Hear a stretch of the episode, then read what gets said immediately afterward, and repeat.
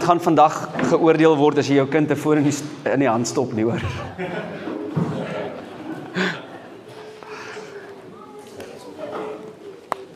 Great.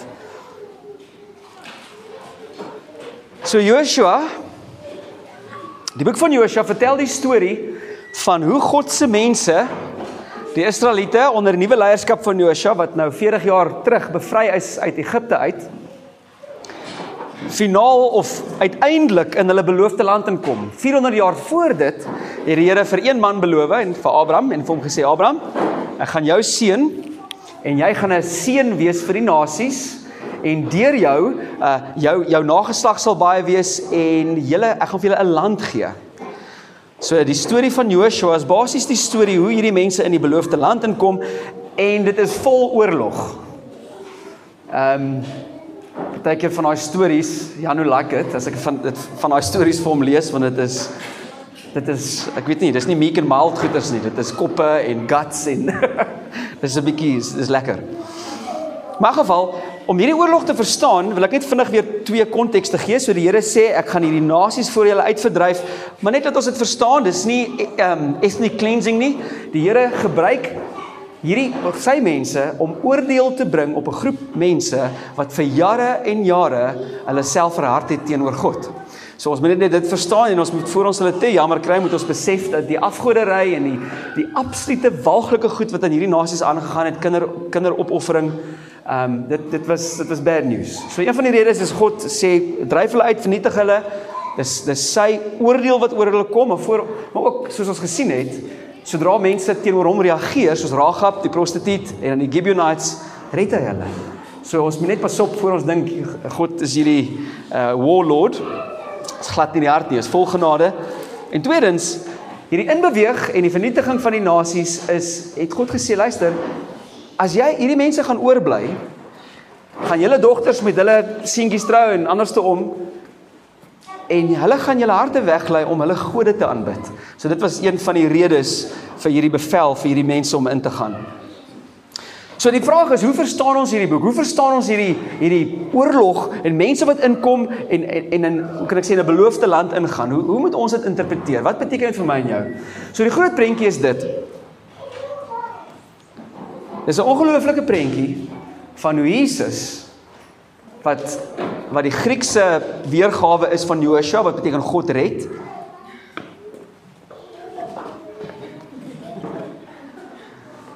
Die prentjie is van Joshua.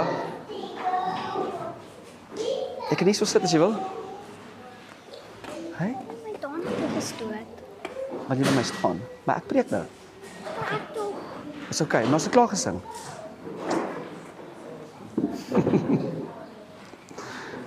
Waar is ons? Asai, hoe interpreteer ons dit? Jesus is ons bevelvoerder wat ons in al God se beloftes inlei. Die groot die groot hoe kan ek sê die kernfiguur in Joshua natuurlik is is is God, maar dit is Joshua, hierdie leier wat sy mense in die beloftes van God inlei. En vir die Christen ehm um, is is hierdie prentjie ongelooflik belangrik. Die Here het jou nie gered uit donker het uitgehaal soos soos hy die Israeliete uit Egipte uitgehaal en gesê, "Oké, okay, cool. Lees Bybel, gaan kerk, jy jouself besig gekom oor so 'n paar jaar." God het 'n plan. Van die begin af red hy 'n mense om hulle 'n erfenis te gee, 'n beloftes te gee. Hy bring sy koninkryk in die wêreld in, maar hy kies dit om deur sy mense te doen. En die wonderlike voorreg vir mense wat in Jesus glo, is ons het 'n erfporsie in dit. Ons het 'n uit ons het 'n belofte wat God vir ons het. En die die die, die boek van Josua begin na 'n vorige generasie wat die Here uit Egipte uitgehaal het wat nie ingegaan het nie. Hulle het bly hardkoppig gewees. Hulle het bly God se beloftes. Okay. Kyk julle ons probeer ons bes hier. O ja, daar's daar's 'n droë shed daarbo. Trekkers en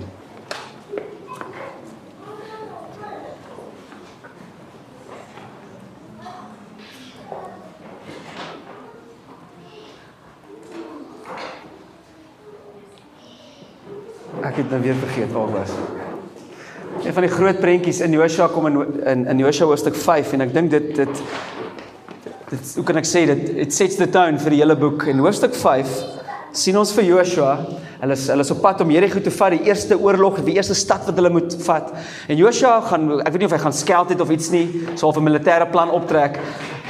En hy sien op 'n stadium en hy sien hierdie soldaat met 'n getrekte swaard. En soos 'n goeie bevelvoerder sê hy, "Wow, okay nou, is jy vir ons of is jy teen ons?" En ek dink baie keer dis wat ons met die Here doen. Here, is U vir my of teen my?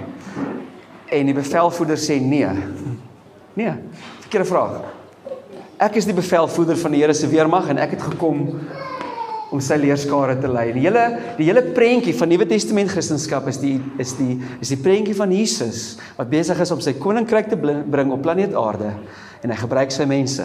En so baie van ons en so baie moderne Christendom is ek's gered, maar God is U vir my of teen my? Maar dis 'n verkeerde vraag. Die vraag is is jy betrokke met wat God doen? want hy is besig om sy ryk en sy roem in die aarde te uh, ons sien voor hy gegaan het hy het hy vir sy disippels gesê gaan na alle nasies toe en maak disippels van alle nasies. So God is besig met iets en jy het 'n deel daarin. Ons het aan die begin van die reeks ook gesê wat is sukses? Wat is sukses in jou lewe? Is dit om soveel as moontlik goed bymekaar te maak? Is dit om 'n naam vir jouself te maak? Is dit sukses? Maar ons het gesê sukses is as jy deel kry in wat God beloof het. Daar is daar is daar is 'n plan vir jou lewe, daar's 'n hoe kan ek sê uitgemerkte deel van wat die Here vir jou wil gee in sy koninkryk. En die vraag is, gaan jy daarin instap? Gaan jy betrokke wees met wat God doen of gaan jy jou eie deel doen en vir vir Jesus sê as jy vir my of teen my? Imagine hoe ridiculous mos dit geklink het vir die engele. So kom ons lees hoofstuk 10, laat ek net weer konteks gee voor ons daar kom. Ehm um, So waar ons is Joshua het nou in die beloofde land ingegaan, het hulle het hulle hulle het hulle eerste stad gevat, hulle het Jerigo gevat met hierdie wonderwerk. Toe het hulle vir Ai probeer die tweede stad en hulle het so 'n bietjie 'n pak slaag gekry want een van die dudes het 'n kei baadjie en bietjie goudstukke gesteel. En hulle het gesê nee nee nee boys, dit is nie hoe dit gaan werk nie. Dis op my terme. En hulle hulle vind dit toe uit, hulle probeer toe weer en God bring 'n ongelooflike uh oorwinning uh jy weet hulle kry 'n ongelooflike ongelooflike oorwinning. En die hoofstuk wat ons voorheen ge, ge, ge, gelees het is hoe die Gibeonites hulle gekil het en gemaak of hulle van 'n ver land af kom en ewe skielik het hulle nou hierdie ooreenkoms met hulle gemaak wat God beveel het hulle mag nie doen nie. Nou ewe skielik het hulle hierdie vriende gemaak in in Kanaan en hulle word deel van Israel in 'n manier. So dit is waar ons hom optel in hoofstuk 10. Ek lees vir ons. As soon as Adonizedek, king of Jerusalem, heard how Joshua had captured Ai and had, devoted it to destruction, doing to Ai and its kings as he had done to Jericho and its kings, and how the inhabitants of Gibeon had made peace with Israel and were among them, he feared greatly, because Gibeon was a great city, like one of the royal cities, and because it was greater than Ai. And all its men were warriors. So Adonizedek, king of Jerusalem, sent to Hoam, king of Herob, to Piram, king of Jarmuth, and to Japhiah, king of Lachish, and to Debir, king of Eglon, saying, Come up to me and help me, and let us strike Gibeon, for he had made peace with Joshua and with the people of Israel. Then the five kings of the Amorites, the king of Jerusalem, the king of Hebron, and the king of Jarmuth, and the king of Lachish, and the king of Eglon, gathered their forces and went up with all their armies and encamped against Gibeon and made war against it. And the men of Gibeon sent to Joshua at the camp of Gilgal, saying, Do not relax your hand from your servants. Come up to us quickly and save us and help us. For all the kings of the Amorites who dwell in the hill country are gathered against us. So Joshua went up to Gilgal, he and all the people of war with him, and all the mighty men of valor. And the Lord said to Joshua, Do not fear them, for I have given them into your hands. Not a man of them shall stand before you. So Joshua came up upon them suddenly, having marched up all night from Gilgal. And the Lord threw them into a panic before Israel, who struck them with a great blow at Gibeon, and chased them by the way of the, the ascent of Beth Horon, and struck them as far as, Azekah and Mekkedah and they fled before Israel. While they were, while they were going down the, the ascent of Betheron, the Lord threw large stones from heaven on them as far as, as Hezekiah, and they died. There were more who died because of the hailstones than the sons of Israel killed with the sword. At that time, Joshua spoke to the Lord in the day when the Lord gave the Amorites over to the sons of Israel. And he said in the sight of Israel, Sun, stand still at Gibeon, and moon in the valley of uh, Ajalon. And the sun stood still, and the moon stopped, until the nation took vengeance on their enemies. Is this not written in the book of Jeshua? The sun stopped in the midst of heaven and did not hurry to set for about a whole day. There has been no day like it before or since when the Lord heeded the voice of a man, for the Lord fought for Israel. So Joshua returned and all Israel with him to the camp of Gilgal. Kom ons bid. Vader, ons erken dat hierdie u woord is en ons wil nederig voor u woord kom. Ons wil nie ons eie opinies hier inlees nie, maar ons wil hoor wat u sê. Here, dit wat vanoggend gesê word wat nie volgens u wil is in die woord is nie, Here, mag die mense dit vergeet. Maar Vader, dit wat u bedoel het in hierdie teks, mag harte diep aangeraak word deur die Heilige Gees, soos ons na u woord kyk. Amen. As ek 'n opsommende vers kan kies uit hierdie teks, is dit daai vers 14 wat sê there has been no day like it before or since when the Lord heeded the voice of a man for the Lord fought for Israel. Hierdie is seker die mees dramatiese oorlog in die hele Ou Testament. Jy kry stories van oorlog, maar hierdie was intens. Dink aan, daar was 5 nasies tot nou toe het Joshua teen stad vir stad geveg. 5 konings trek saam. Joshua stap 'n hele aand van Gilgal af, omdat dit 30 myl is deur die aand. Kom, jy weet, vroegoggend kom begin die oorlog. Hierdie mense begin weghardloop en ewe skielik begin dit haal. Net soos hulle by die afgrond van daai van daai een bergreeks afkom. En meer mense sterf as gevolg van haal van wat Joshua en hulle mense doodgemaak het met die swaard. En in dit was die, die hoe kan ek sê was die oorlog so groot dat Joshua geloof gehad het om te sê Here, laat die laat, laat, laat die dag verleng word. En hulle het hierdie ongelooflike oorwinning. Ons sal later lees wat die verse verder in, in hoofstuk 10 is 'n opsomming van hierdie eerste 15 verse. En ons sien hoe hoe die Here hierdie ongelooflike oorwinning behaal vir sy mense of vir sy koninkryk. So kan ek sê 'n groot punt wat ek hier wil sê is God wat ons hier sien is God wat sy wil kragtig deur sy mense uitwerk. God werk sy wil kragtig deur sy mense uit. So ons wil kyk hoe dit hoe dit werk in ons lewens. So nou ek wil graag hê ons moet hierdie in gedagte hou wanneer dit kom by jou toekoms in die Here. Hier's 'n paar goeie wat ons moet leer in ons wandel met die Here en ons toekoms wat ons in die Here het. Soos ek aan die begin gesê het, jy is nie net gered om die Amerikaanse droom na te jaag nie. Jy is nie net gered om baie goedjies bymekaar te maak, die siektes te voltooi, gelukkige lewe te hê en hemel toe te gaan nie.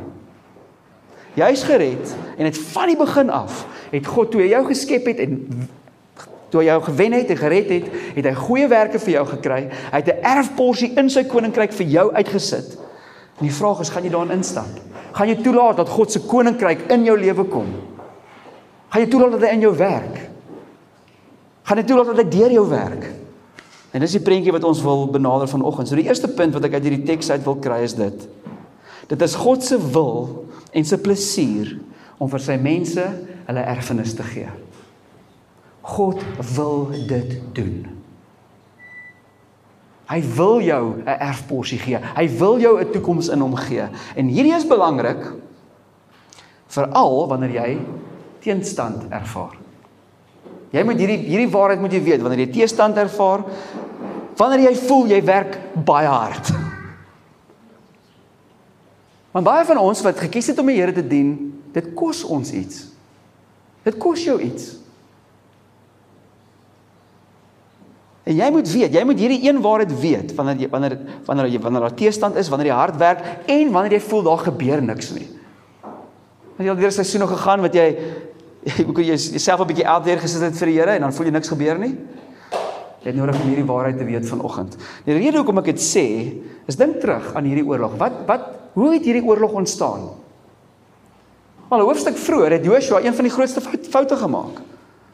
Die Gibeonites het gekom en hulle het hulle lekker aangetrek met ou klere en gedroogde brood en hulle het vir Joshua gesê ons kom van ver af. En Joshua het gekies om sy eie instinkte te volg en 'n besluit te maak en sê okay, cool. Ons maak ek, ons maak 'n kan ek sê ooreenkoms met hierdie mense. Toe kom hy agter en dit sê daar hy het nie vir die Here se insig gevra nie. En hy maak 'n fout. So ek kan imagine Hier kom hierdie, hoe kan ek sê, hulle is nou lekker in Gilgal, hulle het nou net vir Ai oorwin en ja, manne sit daar, hulle maak reg vir hulle volgende, ek weet nie, volgende stad wat hulle moet gaan vat. En hier kom 'n paniekbevange Gibeonite aangehardloop en sê, "Kom help." Onthou julle daai foutjie wat jy gemaak het? Daai kontrakkie wat jy met ons geteken het? O, oh, nou is ons in die moeilikheid. Kom help ons. En nie net van een iemand nie, vyf konings se mense trek saam teen Gibeon en nou moet Joshua doen wat hy gesê het. So hy kon seker gevoel het, oh my goodness, nou is ek as gevolg van hierdie fout ingetrek in hierdie oorlog. Tot dis tot nou toe het hulle stad vir stad gaan aanval. So hierdie was heeltemal nuwe, hoe kan ek sê terrein vir hulle. So God in 'n oomblik vat hy een van van Joshua se grootste foute en draai dit om in een van sy grootste oorwinnings. Hy gebruik 'n fout en hy en en hoe kan ek sê hierdie oorwinnings soos ons later sien het basies die hele suide van Kanaan oopgemaak vir hulle. Daai oorwinning op daai dag of twee dae, ek weet nie hoe lank die son stil gestaan het, maar die idee is dat dit daar vir 'n ekstra dag verleng was. Daai oorwinning wat God daar behaal het, het basies die res van die veldtog in die suide van Kanaan in was maklik. Net na Stasere toe gevat en dit gevat. En hierdie oorwinning kom nadat hy 'n fout gemaak het. Nou ek weet nie van baie van julle nie, maar ek weet nie of julle al gevoel het in julle wandel met die Here. Wag 'n bietjie, het ek nou 'n bietjie ek het nou hierso goed verloor. Dalk is die Here se plan nie meer dieselfde vir my nie. Maar sien, die Here se plan vir jou verander nie. Hy verander nie. As die Here dit met Joshua gedoen het, die punt wat ek daar wil maak is hy wil jou erfenis vir jou gee al het jy in die verlede foute gemaak. Ek dink aan dit is dit is waar Romeine 8 se teks so mooi inwerk. Hy sê daar and we know that for those who love God all things work together for good for those who are called according to his purpose. Ons mis daai laaste deel. Called according to his purpose. Amazing. As jy jou as jy jou versier stel op wat God wil doen, sal hy alles laat uitwerk dat jy dit kan bereik. Hy wil jou erfenis vir jou gee. Jy hoef hom nie te oor, oorreed nie of oortuig nie, dit is wat hy wil doen. Nou ek gaan so 'n bietjie wonderbaar wees, maar hierdie is baie bemoedigend vir my. Dit help my om vir God te lewe want Soms wanneer jy kies om ja te sê vir die Here wat hy wil doen, beteken dit jy sê nee vir 'n klomp ander goeders. En partykeer voel dit of jy nie eers kry wat jy agterna is nie. Wat ek bedoel daarmee, ek gaan nou vir ons 'n teks lees, ek sal dit verduidelik. Om die Here te volg, kan jy nie kan ek sê the American dream chase nie. Jy moet dit jy moet dit jy moet dit gaan bære. En baie keer, soos mens die Here volg, gaan voel jy, "Ek Here, ek het nou hierdie goed opgegee." Maar dit waar waarvoor ek soek, voel dit nie of dit gebeur nie. Dit voel nie of of of dit wat u sê ek moet nastreef eintlik te werke kom nie. Maar hierdie waarheid help my in daai tye.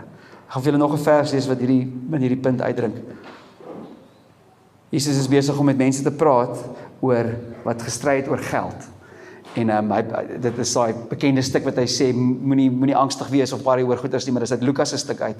Hoor gou hierso of Lukas 12. Says and do not seek what you ought to eat and what you ought to drink, nor be worried, for all the nations of the world seek after these things. And your Father knows that you need them. Instead, seek his kingdom and these things will be added to you. Dis die prentjie. Moenie agter hierdie goed aanhardloop nie. Jaag my wil na. Dan doen dan doen mense dit en dan partykeer voel mense shucks, selfs die ding wat ek najaag gebeur nie. Maar hoor hierdie volgende vers. Fear not, little flock, for it is your father's good pleasure to give you the kingdom. Wat wil jy? Waarvoor wil jy lewe? Jy het, jy het geen jy mag dalk reg kry om die ander goeders na te streef, maar ek gaan jou guarantee As jy die Here wil nastreef en jy is bereid om hom te volg, sal jy 'n erfenis hê in hom. En hy daai versie gaan verder. Hy sê sell your possessions and give to the needy, provide yourselves with money bags that do not grow old, with a treasure in the heavens that does not fail. Where no thief approaches and no moth destroys, for where your treasure is, there your heart will be also. God beloof sy koninkryk, dan word dit nog beloon ook. Hoe amazing is dit? Hy sê hier's hierdie goeie werke, streef my koninkryk na en soos jy dit doen, beloon hy jou nog. Vriende, moenie jou lewe mors nie. Lewe vir dit wat God beloof het. God het nie 'n gemaklike lewe beloof nie. Maar ek weer sê, hy het nie 'n gemaklike lewe beloof nie. Maar hy het beloof ek sal jou die koninkryk gee. Streef my na en dit sal beloon word. God wil jou erfenis vir jou gee. En ek hou van ek ek het net ek vanoggend ook gebid het hierdie vers bygesit. Jy mag dalk voel, okay, maar ek het tot dusver toe net mooi niks gedoen vir Jesus nie. Ek het net vir myself gelewe. Maar ek dink aan Paulus, hy eh, selfde stuk waar hy sê hy streef hierdie lewe na. Hy streef hierdie hy, God het hom gered en hy wil hy wil nou vir, vir Jesus lewe.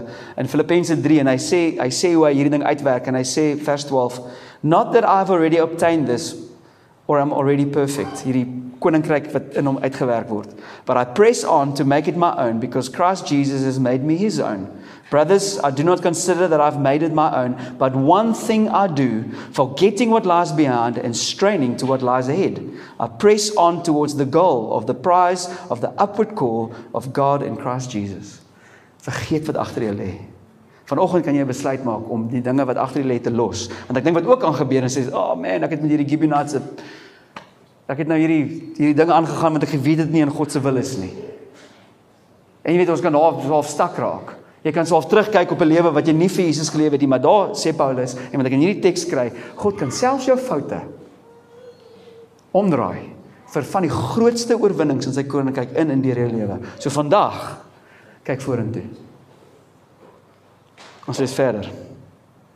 These five kings fled and hid themselves in the cave at Makkedah, and it was told to Joshua, the five kings uh, have been found hidden at the cave at Makkedah. And Joshua said, Roll large stones against the mouth of the cave and set men by it to guard them. But do not stay there yourselves. Pursue your enemies, attack their rear guard. Do not let them enter their cities, for the Lord your God has given them into your hand. So soos ek nou gesê het, hier is 'n opsomming van wat vroeër gebeur het. Want wat jy sal sien is in vers 15 sê dat hulle teruggekeer na die kamp in Gilgal toe. En as jy die hele stuk gaan deurlees in vers 43 sê hy ook hulle teruggegaan Gilgal toe. So hierdie is die hoe kan ek sê is die opsomming van daai eerste of nee, hierdie is die detail van die eerste 15 verse se opsomming. So die die die son staan stil en en Joshua het hierdie oorwinning en hy sê okay, nou moet ons hierdie ding huis toe vat. Nou moenie relax nie. Nou gaan so hard as wat jy kan, maak so jy het vang so jy wel nie vang nie. Slay so soveel as wat van hulle as wat jy kan. Dis wat hier gebeur. Vers 20 when Joshua and the sons of Israel had finished striking them with a great blow until they were wiped out and when the remnant that remained of them had entered into the fortified cities then all the people returned safe to Joshua in the camp of Makkedah. Not a man moved his tongue against any of the people of Israel.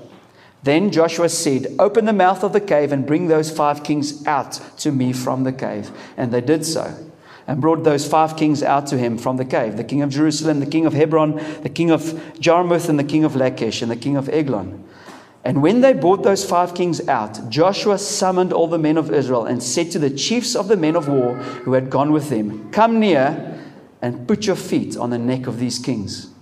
Then they came near and put their feet, their feet on their necks. And Joshua said to them, Do not be afraid or dismayed. Be strong and courageous. For thus says the Lord, uh, uh, for thus the Lord will do to all your enemies against whom you fight. And afterwards Joshua struck them and put them to death. And he hanged them on five trees.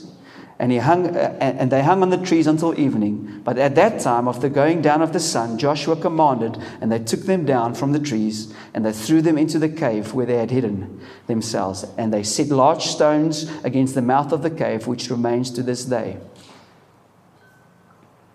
Nog as intens en daar's nog 'n paar goeders wat gebeur. Tweede punt wat ek eerste punt wat ek gemaak het, God wil jou erfenis vir jou gee. Tweedens, God doen dit. Hy bring sy koninkryk deur die bydraes en gebede van sy mense. Nou So ek gesê daai kon ek sê daai hoof idee van die teks is daar there's been no day like it before since when the Lord heeded the voice of man and fought for Israel. So ons sien hierdie wonderwerk, hierdie hierdie ongelooflike oorwinning, haal kom, die son staan stil, maar ek wil ek wil net vir julle wys wat hier gebeur het. Dit het als gebeur deur die gebede van Joshua. Joshua het gebid, hy het gereageer op God en in daar was daar geloof en hy het gebid. Maar ek wil jou ook wys hulle moes crazy moeg gewees het. Ek weet nie of jy daaraan gedink het nie. Ek het so 'n bietjie saam met klomp jonger ouens gaan jag. Jesus, en die manne kan laat in die aand opbly en stories vertel. Dit het my gevange. Ek was moeg. maar hierdie ouens, hoor nou net, die die bevel kom. Ons is in die moeilikheid. Hierdie vreesbevange Gibeonite kom daar in die kamp in. Joshua sê, "Okay, cool, boys, let's go." Kyk die manne, hele aand 34 myl berg op na Gibeon toe, né? Nee? Nou, daar is 'n klaar dis daar's nou klaar vakansie vir my geboek na daai ene. En dan begin die oorlog in die oggend. En hier vlug hulle met die berg op en Joshua sê, "Okay boys, nou staan die stil, son stil. Ons kan hulle laat gaan, maar maak skoon." So ek weet nie, kom ons sê die hele aand, dis dis ten minste 12 ure en 'n normale dag nog 12 en vir 'n hol en ek, ek verstaan nie mooi nie, maar dit is 10 teen 1 hier by 2 dae lank. So wakker bly en oorlog voer. So om in jou erfenis te kom, is daar van jou effort wat bykom. Daar is van jou gebede. Die Here doen sy werk deur sy mense wat bid. Ek dink in Psalm 2, ask of me and I'll give the nations as your inheritance. Hoe gaan ons die wêreld bereik? Ons begin om te bid. Ons bid. Vir sy koninkryk. Dink dink dink gou hoe God ons geleer het om te bid. Ons Vader in die hemel, heilig, laat U naam geheilig word, laat U koninkryk kom, laat U wil geskied, dat U koninkryk op aarde soos dit in die hemel is. Ek hoop ek het my punt gemaak. Die Here gebruik sy mense, sy bydrae, sy aksies om sy koninkryk te bring.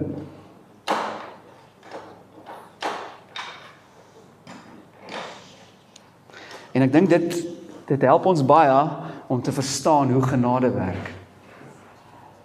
Ons glo met ons hele harte in 'n evangelie dat jy gered is sonder dat jy enigiets hoef te doen. Jy sit jou geloof in Jesus. Jy kom op 'n punt waar jy besef jy is nie 'n kind van God nie, jy is onder die oordeel van God. Maar die liefde van God kom nou toe met die met die bloed van Jesus en sê ek het vir jou gesterf. Ek het vir jou gekom. Nou dit vat nie baie om gered te word nie. Jy hoef niks te doen nie.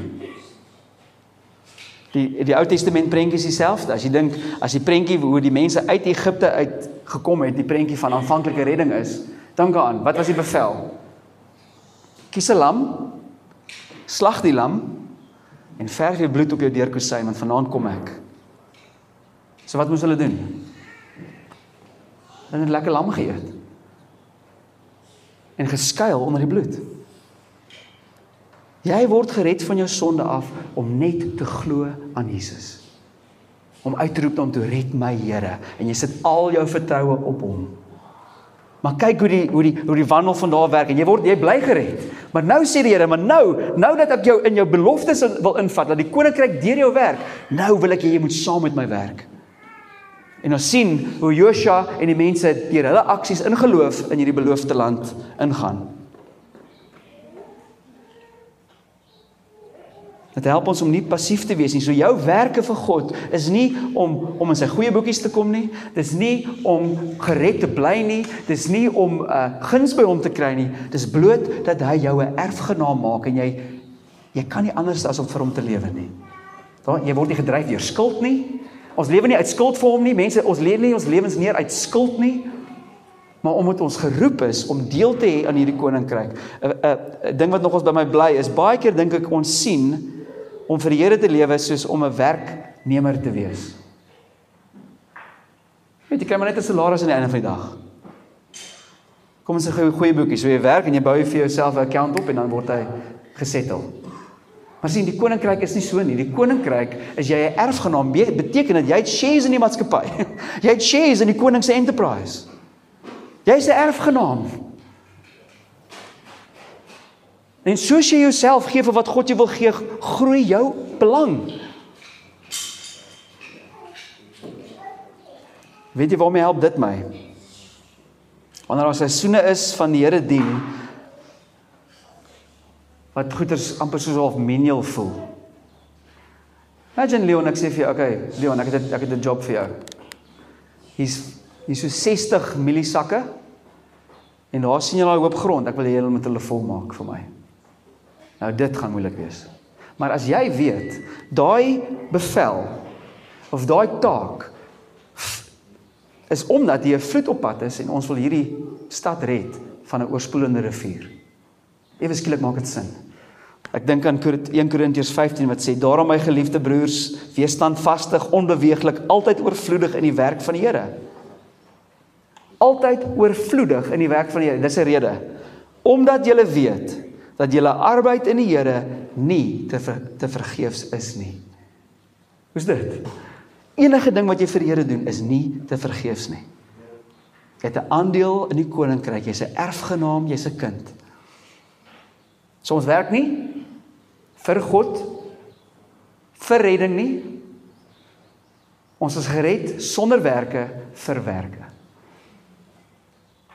Derde punt. Wanneer ons beslis en doelbewus optree wanneer God te werke is, kan ons baie grond wen. So die eerste punt was God wil jou erfenis vir jou gee. Tweede punt is jou erfenis gaan kom deur jou betrokkenheid met wat hy wil doen. Jy gaan jy gaan moet bid. Jy gaan partykeer berg op moet stap. Jy gaan partykeer wanneer jy wanneer jy moeg is en wil ophou deurdruk.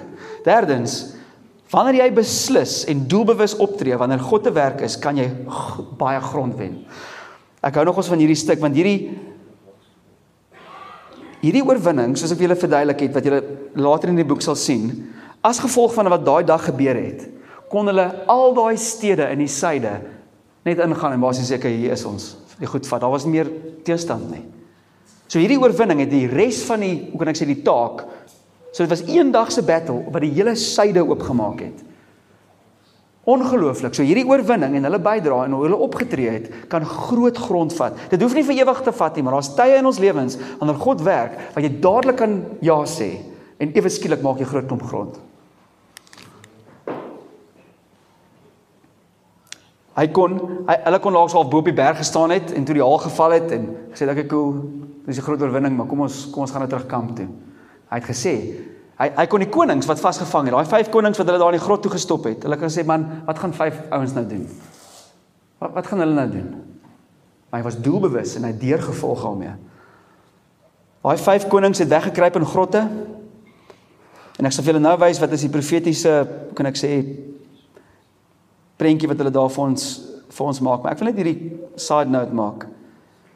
Hierdie konings het weggekruip van God se koninkryk af. Het God weggekruip van wat God gedoen het. Maar ek wil dit vir jou sê. As ons wegkruip van God af. Daar's hierdie plekke en dinge waar ons amper aspres wegdraai van God af. Daai plek sal jou tronk word. En nou dat word daai plek jou graf. Ons kan nie toelaat dat daar goeders wegkruip in hierdie donker pockets van ons lewens nie. Dit word eers 'n tronk. Dis wat hy gedoen het. Die koning kruip weg. Hy sê ek koel, maak dit toe met steen. Hulle kon nêrens heen gaan nie. En voor ons weet is daar 'n hou vas in ons lewens. En as ons nie gaan daarmee deel nie, gaan daai ding met ons deel. Nou wat amazing is, soos die Here gewerk het, was het het Joshua besef hier is nou 'n geleentheid. Ek moet nou optree. En hy het dit was 'n ek dink was 'n brawe ding gedoen. Hy roep sy bevel, jy weet, hy roep sy leiers naby en hy sê ek koel sit julle voet op hulle nekke. Weet dit, die Here sal dit doen teen julle vyande. Hy was nie bang nie, hy was nie skaam nie. En dan mag jy wees wanneer jy weet God werk met jou, God praat met jou. Ek smag met jou deel daarmee vandag. Jy kan huge grond wen as jy optree wanneer God werk. Want baie keer wat gebeur is jy weet die Here sê iets. Jy's onder die onder die conviction van die Gees of die Here doen iets en dan los jy dit. En dan dink jy, ag man, ek sal môre daarmee ons sal op 'n ander keer daarmee ons sal dit nou nou uitsort. Voor jy weet, doen jy dit nie. En voor jy weet, vorm daar 'n patroon en dan is jy stak. So ek ek smag, jy weet ek pleit met jou vanoggend. As die Here werk, as jy onder sy conviction kom vanoggend soos hy die koninkryk wil bring, tree op. Maak 'n besluit vanoggend. So Joshua moes 'n baie besluit gemaak het. Hy het gesê, "Oké, cool. Hier kom die konings, kom ons deel met hulle." Ons gaan hulle laat wegkom. Ek gaan 'n voorbeeld maak van hulle. En hulle daai ouens gejaag terwyl die Here die geleentheid gegee het. So wanneer ons doelbewus optree, kan ons groot grond maak in die koninkryk. En die laaste punt wat ek wil maak is dit: daar is 'n profetiese prentjie van vir van die toekoms. In hierdie hele storie is daar 'n ongelooflike profetiese prentjie van die toekoms. Hoor hoe hoor hoe amazing is hierdie van die boek van Openbaring wat dieselfde ehm um, kan ek sê beeldspraak gebruik. Nie dat daai beeldspraak was nie, maar hierdie is beeldspraak.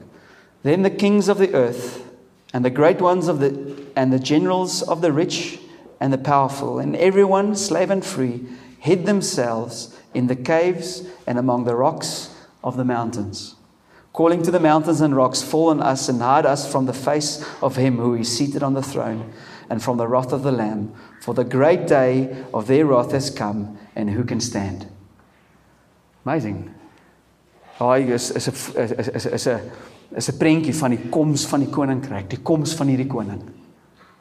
En vir sommiges gaan hulle wil wegkruip. Soos hierdie konings, hulle het weggekruip.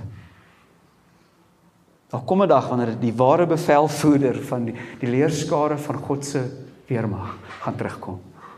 Hy kom terug. Maar wat amazing is. Ons boodskap aan die wêreld en my boodskap aan ons vanoggend. Die ene wat teruggekom is die een wat soos hierdie vyande van God aan 'n boom gehang het. Is nie amazing nie? Die vyande van God, hierdie vyf konings, hang aan 'n boom en word in 'n grot gegooi. Kan jy dit sien? Die nasies verdien dit. Ek en jy verdien dit. Ek het weggehardloop van God af. Maar hier kom ons koning en hy gaan hang in 'n boom. En voor sons die son sak word hy in 'n grot gesit. Is nie amazing nie hierdie profetiese prentjie eendag kom God, maar die boodskap intussen is 'n koning het vir jou gesterf. Die koning wat weer gaan kom het gekom en hy het gesterf soos die wêreldse koning, soos die vyande van God. Gevloek is almal wat teen 'n boom hang, sê die sê die Bybel. Is dit nie amazing nie? Hy wil jou erfenis vir jou gee. Ons boodskap aan die nasies is hy kom, maar weet dit, hy het gekom. Hy het gekom. Hy het vir jou gesterf soos 'n vyand. So vanoggend dink ek daar mag dalk 3 tipe mense by ons wees. Mense wat dalk nog nooit vir die eerste keer hulle geloof in hierdie koning gesit het wat sy lewe vir jou gegee het nie alhoewel jy vyand is en hy gekom om jou te versoen om jou terug te bring by God en hy het sy lewe vir jou gegee. Dan mag dit dalk wees wat mense wat dit al aan aanvaar het. Maar jy lewe vir jouself. Jy jaag ander goed na. Jy het ander afgode, jy het ander goeders wat jou gelukkig maak. Jy het jy, jy lewe nie vir God se agenda nie. En kan ek vir jou sê daar is net een agenda. Daar is nie iets anders wat op planeet Aarde gebeur nie. Jesus bring sy koninkryk. En die wonderlike voorreg wat ons het, ons kan deel wees daarin. En dan is dalk daar van ons wat getrou hierdie pad stap. Wat wat wat sê Here dat U ryk kom, werk in my, werk deur my, maak my soos U. En jy moet vandag bemoedig word dat die Here is sy groot plesier om sy koninkryk vir jou te gee. Raak dalk van ons wat dadelik moet optree. Nou, jy moet vandag optree. Jy moet vandag 'n keuse maak om te sê ek weet soos hy gepraat het, is daar 'n paar goedjies in die grot. En ek moet hulle uithaal en ek moet my voet op sy kop sit en sy keel afsny. Dit stop nou. Daar's te veel Imagine imagine Joshua het dit nie gedoen nie. Weet jy hoe lank sou hulle gesukkel het om daai onderste vlaktes te vat? Die ouens sal bly teenveg het. Dit sal bly as jy nie nou met iets deel nie. Dis soos om 'n leeuetjie huis toe te bring. Klein leeuetjie, hy's baie cute. Maar weet jy wat? So 3 jaar van nou af is hy nie meer cute nie. Dan speel hy met jou. As daar genade is vanoggend en jy weet jy moet 'n besluit maak teen iets, doen dit nou. Die Here bring sy koninkryk.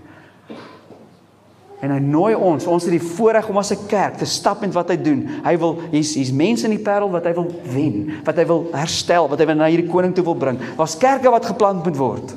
Daar's nasies om na toe te gaan. Ons kan nie aankarring met 'n klein lewe in God nie. Jesus, die bevelvoerder van God se weermag, wat sy lewe vir ons gegee het, nooi ons uit om vir hom te lewe. So kom ons bid.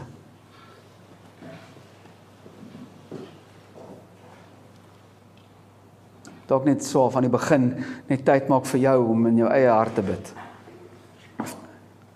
Wil jy nie net voor ek begin bid nie self bid. As jy as jy die heel eerste keer besef, wait a second, ek is 'n vyand. Maar vandag hoor ek dat God gesterf het sodat ek 'n vriend kan word, dat ek 'n kind kan word. Wil jy nie jou geloof in Jesus sit vanoggend nie? Roep uit na hom toe, sê red my Here. Vergewe my sondes.